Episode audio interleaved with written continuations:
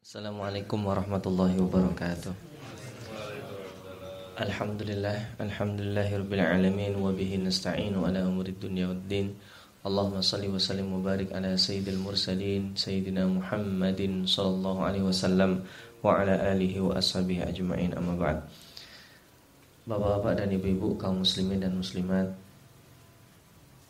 pada peserta dan jamaah halaqah tadabbur yang dicintai Allah kita bersyukur kepada Allah pada pagi hari ini setelah menunaikan kewajiban kita kepada Allah dan itu adalah merupakan karunia yang mahal. Kita berdoa mudah-mudahan kita dilanggengkan dan diberikan keistiqomahan. Allahumma amin. Insyaallah kita akan menadaburi lanjutan dari yang kita tadaburi pekan lalu.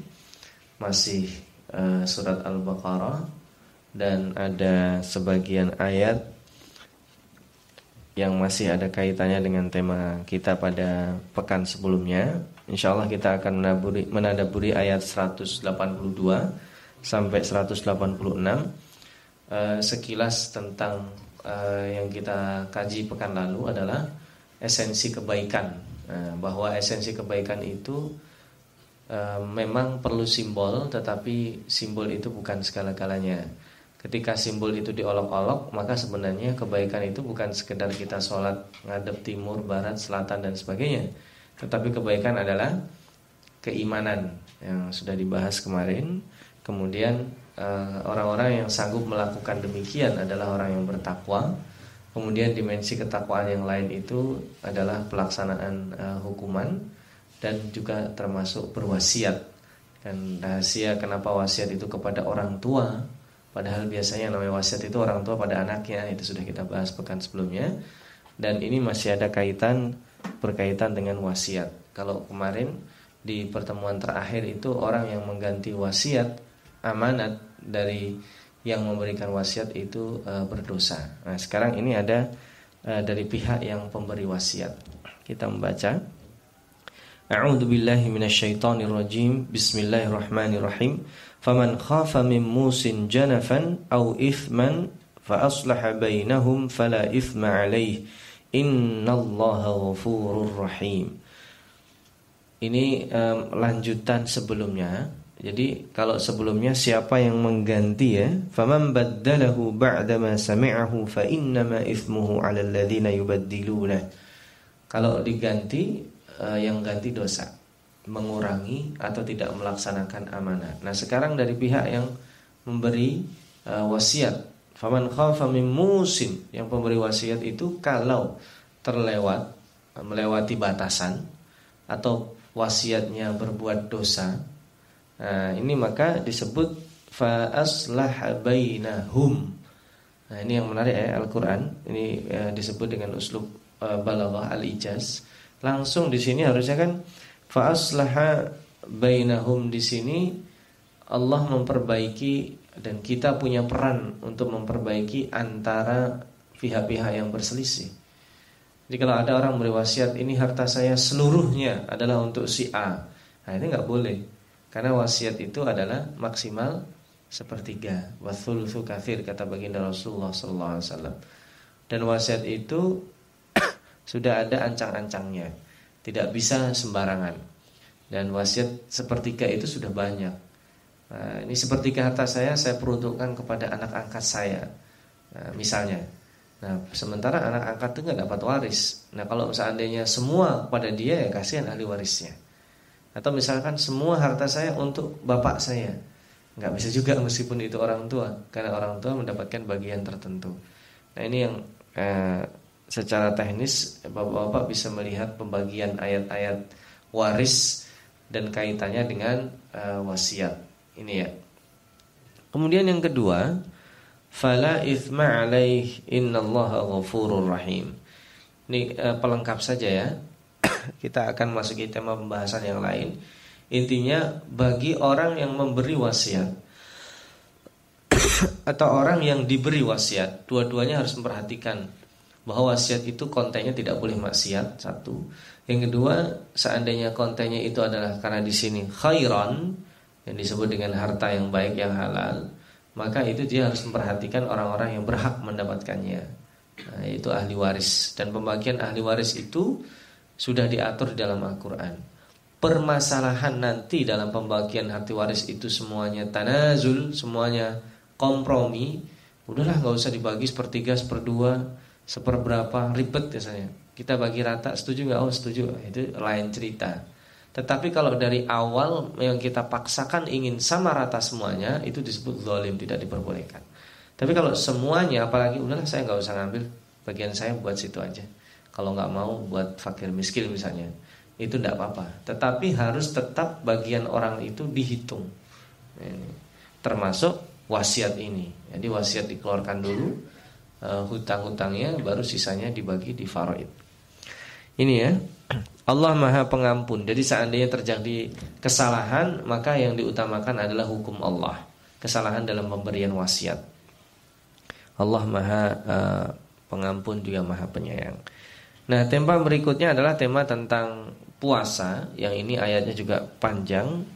Sebagian kita tadaburi pada pertemuan kali ini. Insya Allah sisanya kita tadaburi pada pertemuan selanjutnya. Bismillah. Ya ayyuhalladzina amanu kutiba alaikumus siyam kama kutiba alal ladzina min qablikum la'allakum tattaqun. Wahai orang yang beriman, diwajibkan kalau ini ya. Sebelumnya ada kutiba juga. Ini adalah kutiba yang ketiga. Jadi dalam Al-Qur'an cuman ada empat lafat di dalam Al-Qur'an kutiba alaikum. Ini kutiba ala di sini diwajibkan atau disarankan kalau wasiat itu kan wasiat hukumnya tidak wajib. Yang wajib adalah yang pelaksana wasiat. Pertama tentang kisos kutiba alaikumul kisos fil qatla. Yang kedua kutiba alaikum idza hadara ahadakumul maut yaitu menulis wasiat. Yang ketiga kutiba alaikumus siam dan yang keempat kutiba alaikumul qital diwajibkan berperang. Jadi berperang itu hukumnya wajib. Jadi jangan diputus sampai di situ ya. Wah, habis ini kita pulang dari pengajian ya kita perang, bukan di berperang itu hukumnya wajib, tidak boleh uh, kita menghindari kewajiban berperang. Karena kalau seandainya kita diserang misalnya, yaitu nggak ada cerita uh, kita uh, kemudian mencari yang lainnya. Atau bahkan pada saat kita melindungi, karena tidak selamanya yang dinamakan perang itu adalah defensif membela diri, perang itu adalah melindungi misi juga bisa. Ini lain waktu kita bicarakan ketika ayatnya sudah sampai mungkin. Tapi tidak boleh difahami bahwa wajib berperang berarti inti dari ajaran kita itu membunuh orang. Nah, itu lain lagi cerita. Insya Allah jika ayatnya sampai kita tadaburi nanti. nah, diwajibkan puasa itu sebagaimana diwajibkannya hal tersebut kepada orang-orang sebelum kita. Jadi kita bukan orang yang pertama melakukan puasa. Nabi Daud alaihissalam itu puasanya bahkan sehari puasa, sehari tidak. Nabi Adam alaihissalam bahkan juga berpuasa dan nabi-nabi sebelumnya berpuasa, cuman kita caranya tidak tahu.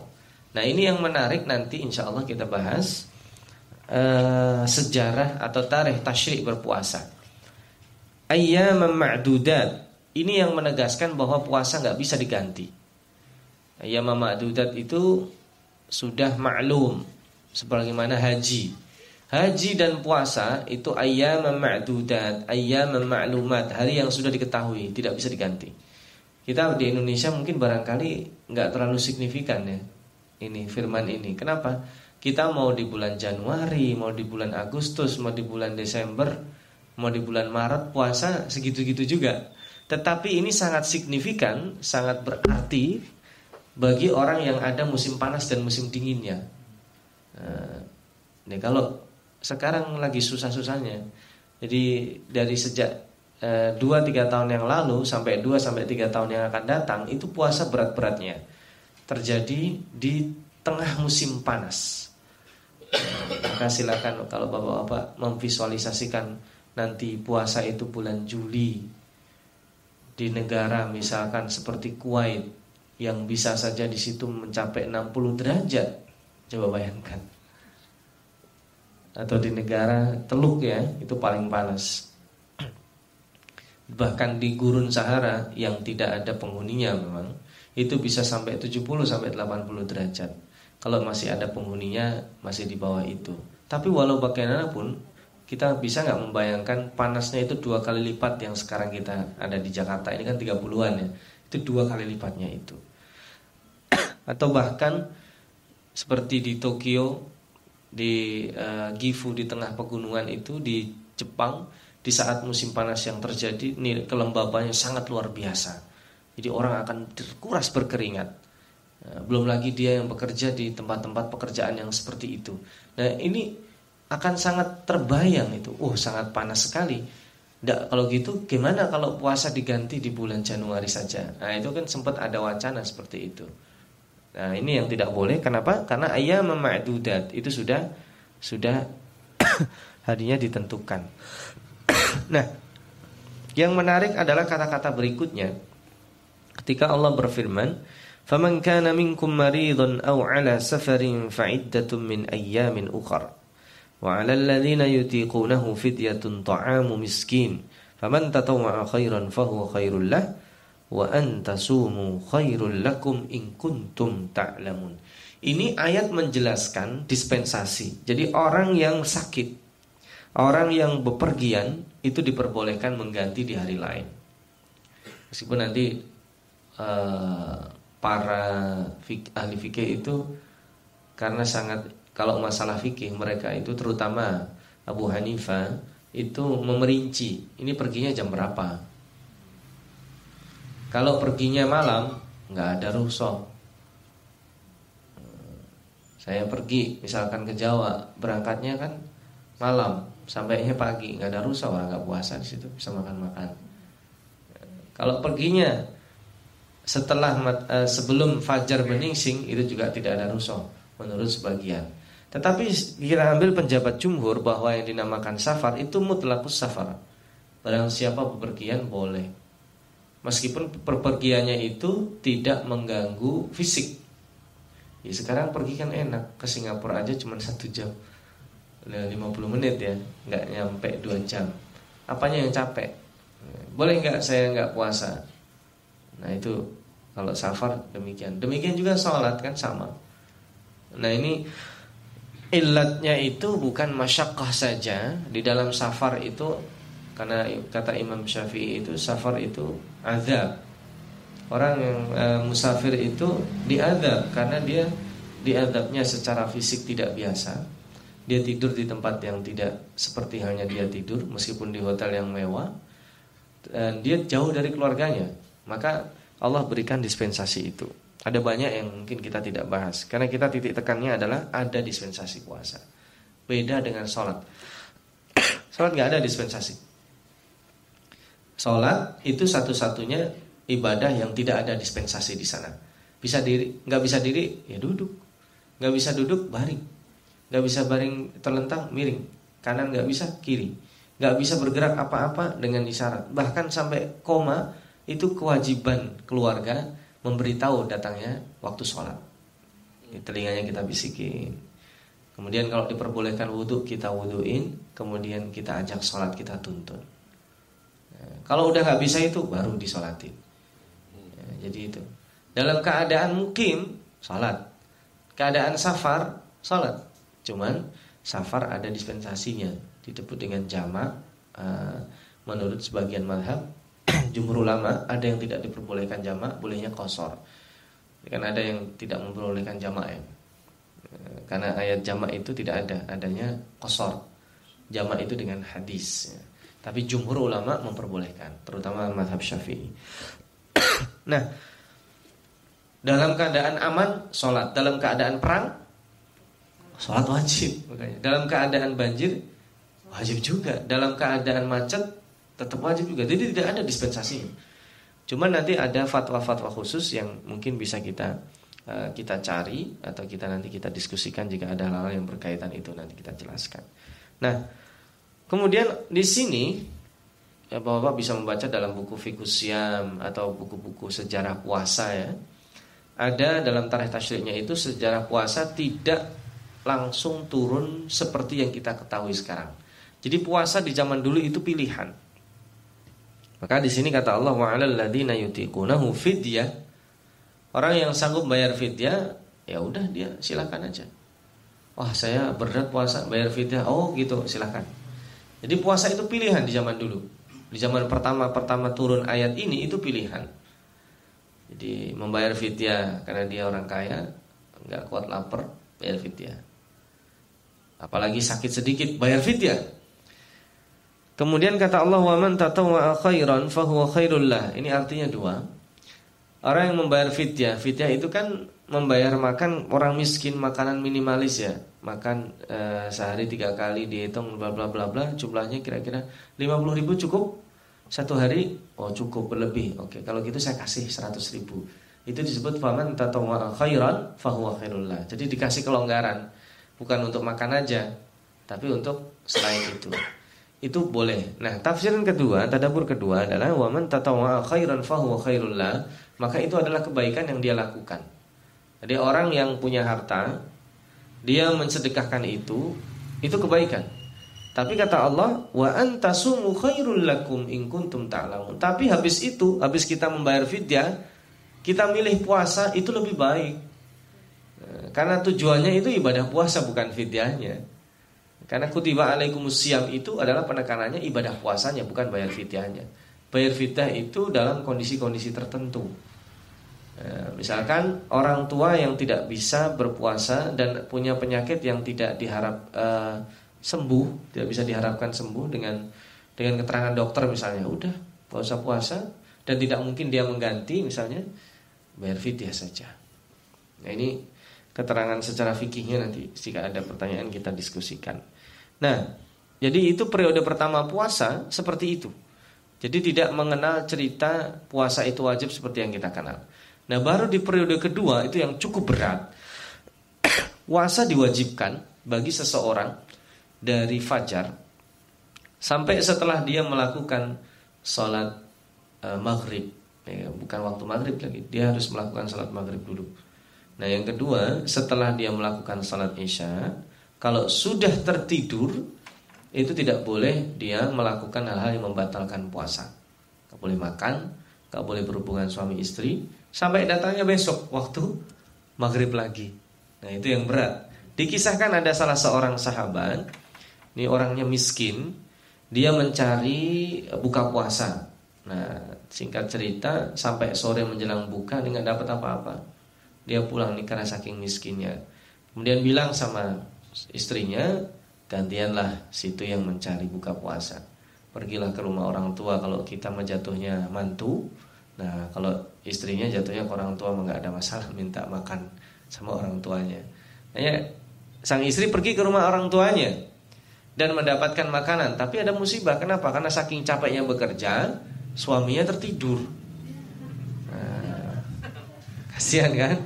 Jadi begitu dia sampai mau dibangunkan, dia kena hukum. Apa hukumnya? Ya nggak boleh makan, eh, nggak boleh makan, dan itu baru boleh makan lagi nanti besok ketika datang waktu maghrib. Akibatnya besok dia bekerja dalam kondisi perut kosong, udah kecapean kemarin, pingsan ini sahabat.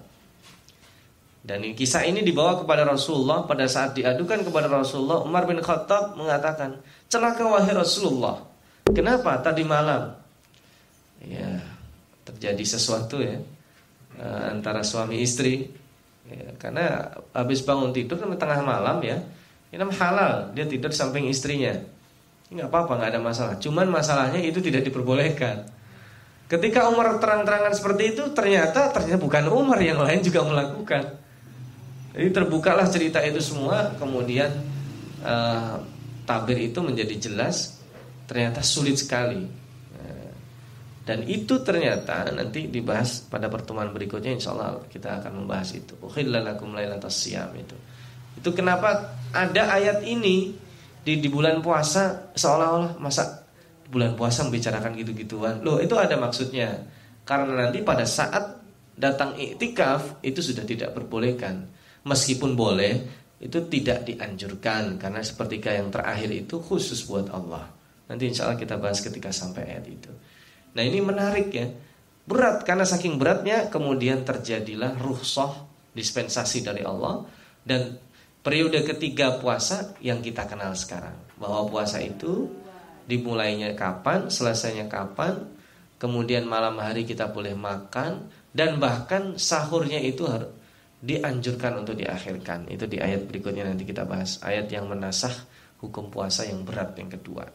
Nah, Al-Fakir ingin menadaburi ayat 185 melanjutkan Syahrul Ramadan alladzi unzila fihi al-Qur'anu hudan linnas wa bayyinatin minal huda di sini. Bulan puasa yaitu bulan yang di dalamnya diturunkan Al-Qur'an. Jadi bulan puasa itu bulan yang dihargai Allah melebihi yang lainnya, ibadah sunnah disamakan ibadah wajib ibadah wajib dilipat gandakan sampai 70 atau lebih ini karena ada apa? Karena ada peristiwa penting malam itu di satu malam di bulan Ramadan diturunkan Al-Qur'an dengan perbedaan pendapat para ulama apakah diturunkannya itu adalah permulaan atau diturunkannya adalah dari langit dari Lauhul Mahfud ke langit bumi yang kita tidak tahu hakikatnya. Tapi kita tidak membahas itu. Yang jelas semua sepakat bulan Ramadan itu Al-Quran diturunkan oleh Allah. Dan malam yang dijadikan fasilitas turun itu disebut dengan malam Lailatul Qadar. Dan malam Lailatul Qadar itu dihargai oleh Allah taala melebihi khairun min alfi syahr. Bukan sama dengan, tapi melebihi ya. Dan melebihinya itu tidak sama perbandingannya. Mukaronahnya perbandingan itu mukabalah ghaira tammah disebut. Kenapa? Lailatul Qadri malam dibandingkan dengan entitasnya. Laila harusnya kan khairun min alfi laila. Malam lebih baik dari seribu malam, tapi tidak. Malam lebih baik dari seribu bulan. Artinya personal dibandingkan jamaah itu komunitas. Jadi ada ternyata satu orang itu nilainya lebih baik dari seribu komunitas. Satu komunitas anggotanya bisa seribu, bisa sepuluh, bisa lima puluh, bisa seratus, bisa dua ratus. Tapi masih kalah komunitas yang seribu itu dengan satu orang yang bersentuhan baik kualitas sentuhannya dengan Al-Quran. Jadi kalau kita ingin lebih baik dari seribu komunitas, caranya apa? Perbaiki interaksi kita dengan Al-Quran. Nah ini yang pertama. Yang kedua, Syahrul Ramadan. Allah ingin menekankan di bulan Ramadan ini adalah bulan rekayasa kebaikan. Kenapa di bulan ini kebaikan itu mudah? Keluarin sedekah. Orang puasa nggak sulit. Kenapa? Semua orang puasa. Ya kan? Yang sulit malah yang nggak puasa. Dia makan, kelihatan kakinya doang. Tutup. sulit kan? Jadi yang tidak puasa malah sulit. Itu yang diharapkan Allah. Allah buat rekayasa. Dan kalau bisa sekarang ini kita buat rekayasa. Orang mau berzina kalau bisa sulit. Jangan sampai sebaliknya. Orang bangga ketika dia berzina. Orang bangga ketika dia berbuat maksiat. Kita harus membuat rekayasa sebaliknya.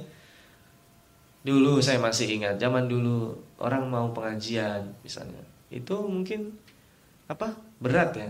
Tapi kalau sekarang hari gini nggak ikut pengajian, itu kan ya. Saya masih ingat fenomena sekarang majelis taklim, majelis taklim ibu-ibu ada beberapa hal positif, beberapa hal negatif ada. Tapi yang menarik sekarang kalau ada uh, di lingkungan seperti ini nggak ikut pengajian, itu dalam tanda kutip akan dibilang hari gini nggak ikut pengajian. Itu kan salah satu bentuk rekayasa. Maka kalau bisa hari gini nggak sholat, ya, dia nggak sholat malu. Hari gini masih buka aurat misalnya. Tapi justru sebaliknya, hari gini masih ditutup-tutup. Hari gini nggak pacaran. Nah ini yang naudzubillah min dzalik ketika rekayasa itu sebaliknya. Maka syahrul Ramadan ini bulan rekayasa kebaikan. Diharapkan ketika kita terbiasa terekayasa dalam sebulan, itu dalam 11 bulan lainnya itu masih sisa itu. Rekayasa itu masih ada. Kita masih rekayasa. Makanya bulan rekayasa itu nanti dilanjutkan di breakdown setiap bulan kita disunahkan puasa tiga hari. Nanti di breakdown lagi per minggu. Terus bahkan bagi yang yang sanggup nanti dia melakukan puasa Daud. Tapi uh, yang lebih disunahkan itu puasa Senin dan Kamis. Tapi kita nggak membahas secara fikih itu ya. Itu artinya ternyata Allah membuat kita terrekayasa untuk kebaikan karena manusia harus dibimbing dengan demikian. Gak bisa istilahnya, oh ini urusan pribadi. Kenapa Anda mengganggu saya? Saya mau berzina atau tidak? Urusan saya sama Tuhan saya. Oh nggak bisa dong. Kalau membiarkan itu satu, nanti ada yang lain membiarkan. Nanti yang terjadi sebaliknya. Karena kaidahnya pernah kita sebut berkali-kali ya. Idza kathurul mungkar soro ma'rufan. Kemungkaran kalau udah banyak menjadi ma'ruf dia. Loh, jadi halal dong? Bukan. Yang meninggalkan kemungkaran justru dia yang menjadi mungkar. Semua orang minum minuman, ada dua orang nggak minum minuman, dia yang jadi mungkar. Semua orang buka aurat, ada dua orang tutup aurat, dia yang jadi mungkar. Semua orang melakukan kejahatan kecuali dua orang, dia yang jadi mungkar. Semua orang korupsi, dua orang ini jujur, ya hari gini jujur, dia yang jadi mungkar. Ini yang jadi masalah ketika kita terekayasa dengan kemungkaran. Ini yang kedua. Yang ketiga, Allah turunkan di sini hudan. Petunjuk bagi manusia. Kita sudah membahas ya, sudah pernah ya. Hudan itu petunjuk umum bagi seluruh manusia. Al-Qur'an itu tidak eksklusif. Petunjuk bagi seluruh manusia. Wabayinatim minal huda. Huda di sini diulang dua kali, berbeda antara hudan yang pertama dengan huda yang kedua. Yang pertama itu umum, yang kedua spesifik. Wabayinatim minal huda wal furqan. Dia penjelas dari petunjuk yang dikhususkan bagi orang-orang yang mau. Kalau yang pertama itu peta yang umum. Jadi kalau Anda memasuki, enter masuk ke dalamnya, maka akan ada lebih petunjuk yang spesifik dan pembeda antara keburukan dan e, kebaikan. Furqan itu bukan hanya kebaikan dan keburukan, tapi di situ ada prioritas. Maksudnya apa? kalau untuk membedakan hitam dan putih itu mungkin relatif mudah ya. Sekarang kalau membedakan mana yang lebih putih ya, antara kertas atau antara peci yang saya pakai. Nah, orang kan pasti mikir mana ya? Mana yang lebih putih antara yang ini atau yang itu? Nah, itu yang disebut dengan pembeda yang jeli atau uh, di situ nanti dikenal dengan fikih prioritas atau fikih realitas. Uh, arribat misalnya, arribat itu sunnah. Kita menunggu sholat ke sholat, iktikaf di masjid dari maghrib ke isya. Tapi begitu datang banjir di samping masjid musola kita, wah saya ribat aja. Nah ini nggak bisa, nggak tahu prioritas, nggak bisa furqan dia. Uh, saat itu prioritasnya bukan ribat, dia harus segera turun nolong orang yang kebanjiran gitu. Jadi uh, Fudail bin Iyad pernah mengkritik ya uh, bahwa orang yang beribadah di depan Ka'bah itu main-main. Loh, kenapa?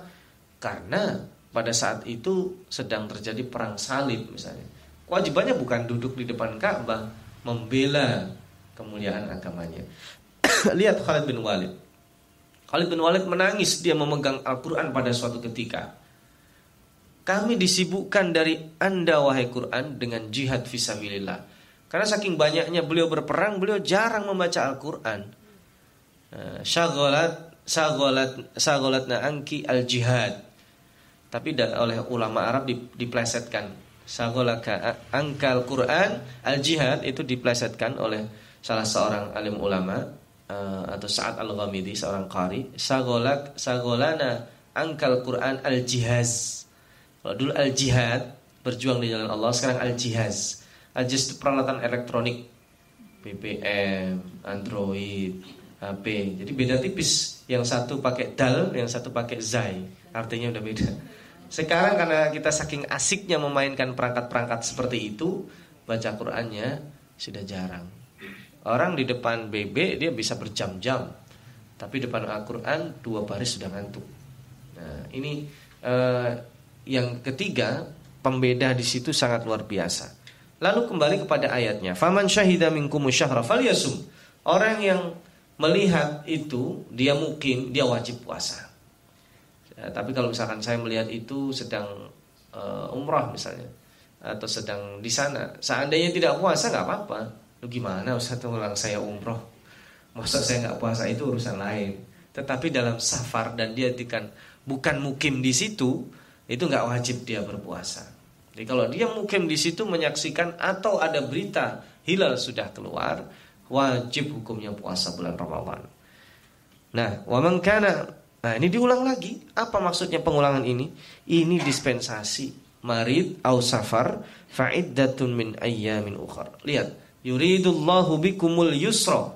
Kebaikan Allah itu mudah. Allah menginginkan kemudahan. Makanya puasa itu mudah. Bahkan sampai pelaksanaan hukuman itu Allah juga memudahkan.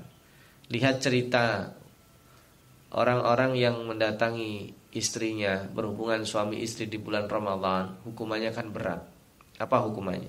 Penaltinya. Puasa dua bulan berturut-turut. Itu kan kalau dimasuk akal nggak masuk. Pengantin baru masuk bulan Ramadan melanggar.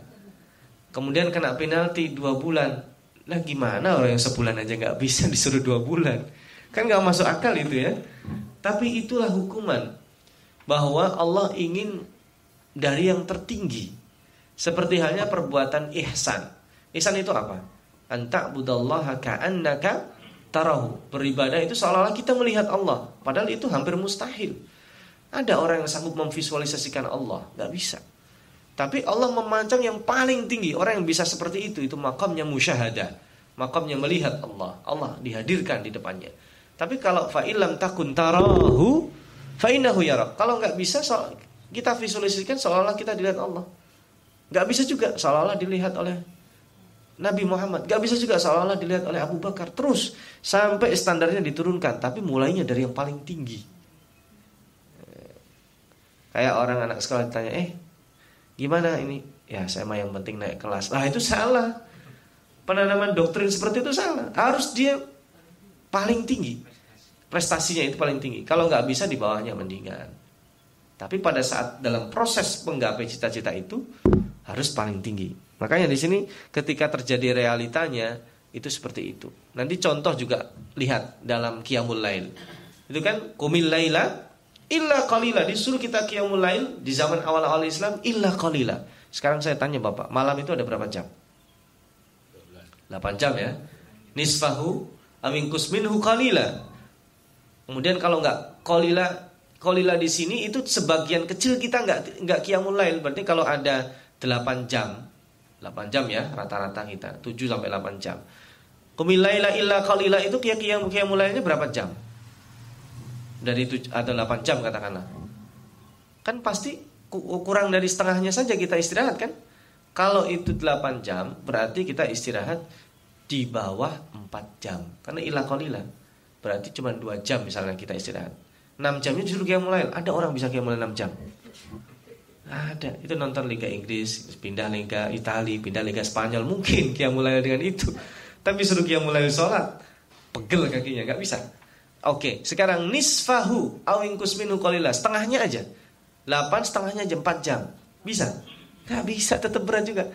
Makanya nanti dibalik alimallahu Allah tahu bahwa itu sulit karena di antara orang-orang mukmin ada yang sakit ada yang mencari nafkah di malam hari ya ada emang ada ada hansip satpam kerjanya di malam hari kalau kalau orang semua yang kerja di siang hari malam hari nggak ada yang kerja meskipun normalnya kerja itu di siang hari tapi malam hari ada yang kerja ada yang sakit ada yang berjihad visabilillah ada yang menjaga di perbatasan nah ini ternyata pada akhirnya Allah itu memudahkan wala yuridu bikumul usr. Jadi jangan dikatakan seperti ini.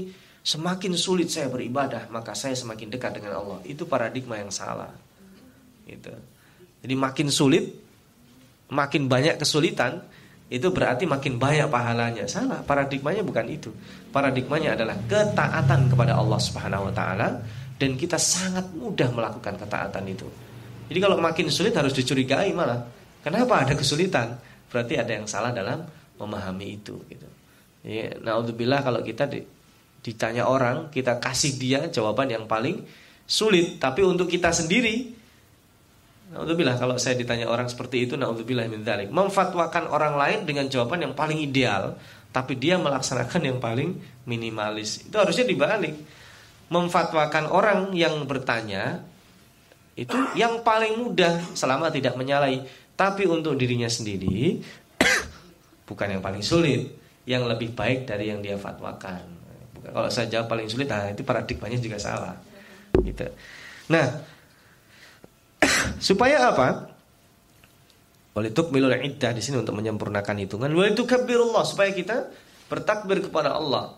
Karena tempo hari sudah kita tabur ya, takbir kita satu hari satu malam dalam sholat berapa kali, di luar sholat berapa kali. Pada hakikatnya kita sudah di drill seperti itu saja, Allah masih kecil. Dalam sholat ya, kita takbir berapa kali Bapak dan Ibu masih ingat nggak pertanyaan saya tempoh hari? Dalam sholat 17 rakaat berapa kali kita takbir? Oh, kan sudah pernah kita ajak hitung-hitungan. Lupa.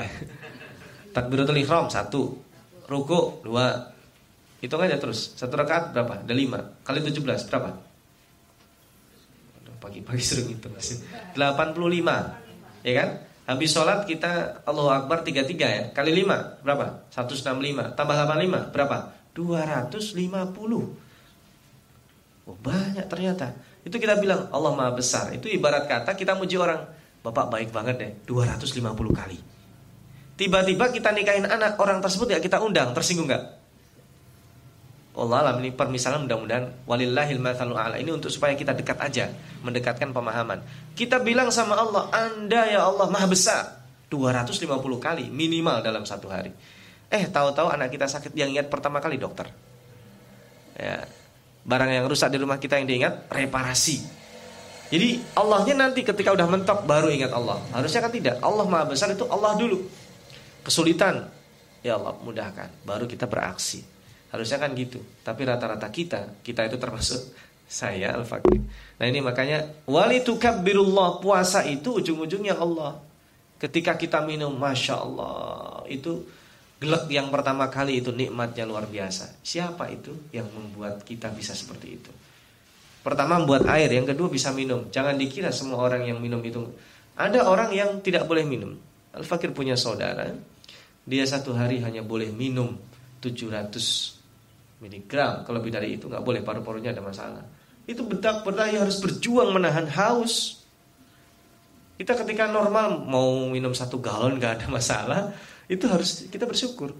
Nah ini seperti itu walitukabbirullah ala lebih bersyukur lagi kita bertakbir atas hidayah kita diberikan petunjuk wala'allakum tashkurun makanya wala'allakum tashkurun itu itu penyempurna la'allakum tattaqun. Kita sanggup berpuasa harusnya bersyukur.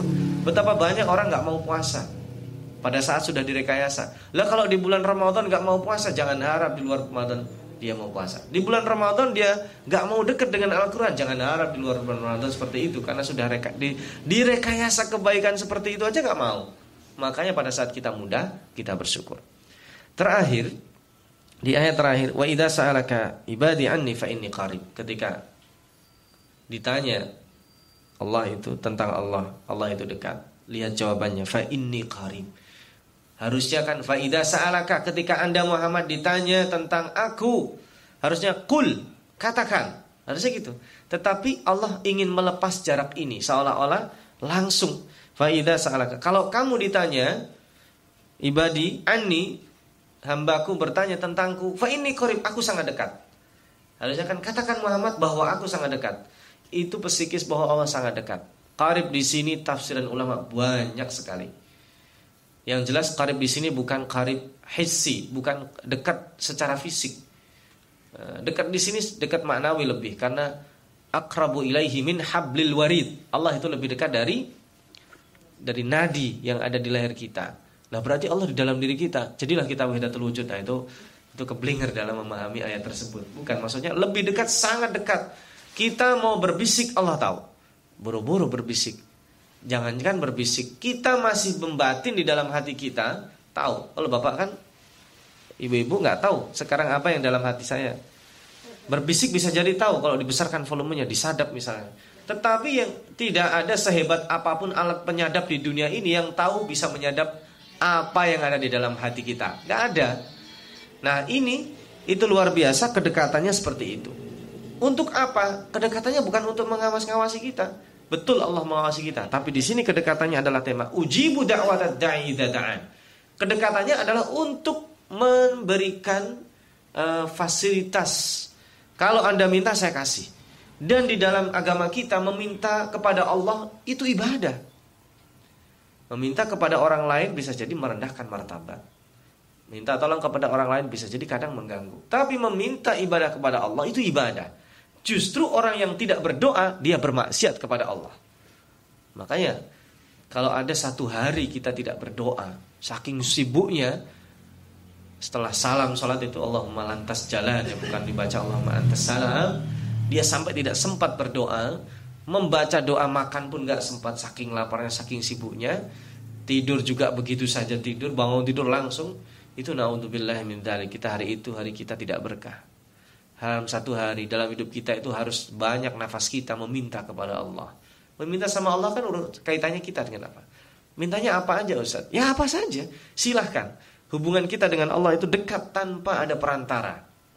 Nah, lalu apa itu yang masalah tawasul itu lain cerita. Dan tawasul di sini ikhtilaf. Yang muttafaq bainal ulama itu tawasul bi asma'illahil husna bi sifatihil ulia. Allahumma inna nas'aluka bi asma'ikal husna wa sifatikal ulya wa nas'aluka bi kulli ismin huwalak sammaita bihi nafsak. Itu ada hadisnya. Kita bertawasul dengan Allah itu mutafak diperbolehkan. Eh, yang ikhtilaf itu bertawasul kepada Nabi Muhammad setelah beliau meninggal kepada orang-orang soleh ketika sudah meninggal di situ ikhtilaf bainal ulama ada yang membolehkan ada yang tidak membolehkan pada saat Nabi Muhammad hidup kita datang minta didoakan boleh tapi kan kita nggak mungkin pada ada orang soleh dia masih hidup kita datangi minta didoakan sangat boleh sekali karena kita tidak tahu jangankan orang soleh seperti itu anak kecil siapa saja kita harus minta didoakan oleh orang sebanyak mungkin orang itu karena kita tidak tahu dari mulut siapa doa dikabulkan tetapi begitu orang itu sudah meninggal, terjadi ikhtilaf bainal ulama. Maka setelah ketika terjadi ikhtilaf bainal ulama, Al-Fakir sudah tidak tidak mau membahas itu lagi. Ada yang ada yang mengatakan oh nggak bisa tawasul. Ada yang mengatakan oh boleh tawasul ada dalilnya. Nah, tapi inti dari itu, terlepas dari tawasul itu, Allah sangat dekat sekali. Jangan katakan seperti ini, apa ya Allah hak saya, saya setiap hari berbuat dosa, malu saya meminta kepada Anda. Lah, kalau malu meminta pada hal-hal yang lain, minta ampun aja. Ya kan? Meminta ampun itu adalah permintaan yang paling utama. Zikir yang paling utama menjelang subuh. Ya kan? Wal mustaghfirina bil ashar. Ya, ya, jadi beristighfar ya di waktu sahur itu itu zikir paling utama. La ilaha illallah bagus, subhanallah bagus. Tapi menjelang azan subuh pada saat waktu sahur itu zikir paling utama adalah istighfar meminta ampun kepada Allah. Wal yastajibuli maka akan aku kabulkan mereka wal yu'minu bi dan mereka harusnya beriman kepadaku la'allahum yarsyudun supaya mereka mendapatkan petunjuk yang benar. Maka doa itu ibadah dan kita jangan sampai meninggalkannya. Ini masih masih menggantung ya karena banyak pembahasan yang belum kita bahas. Insya Allah kita sempurnakan. Ukhil lakum laylatas siam Tadi yang sudah kita singgung sebentar Ada makna-makna yang bisa kita kali di sana. Ini sementara yang bisa Al-Fakir sampaikan Mohon maaf uh, atas kekurangan Dan bila ada hal-hal yang disampaikan kurang benar Atau ada kesalahan. Sementara uh, Al-Fakir tutup. Silakan nanti seandainya ada yang mau didialogkan. Assalamualaikum warahmatullahi wabarakatuh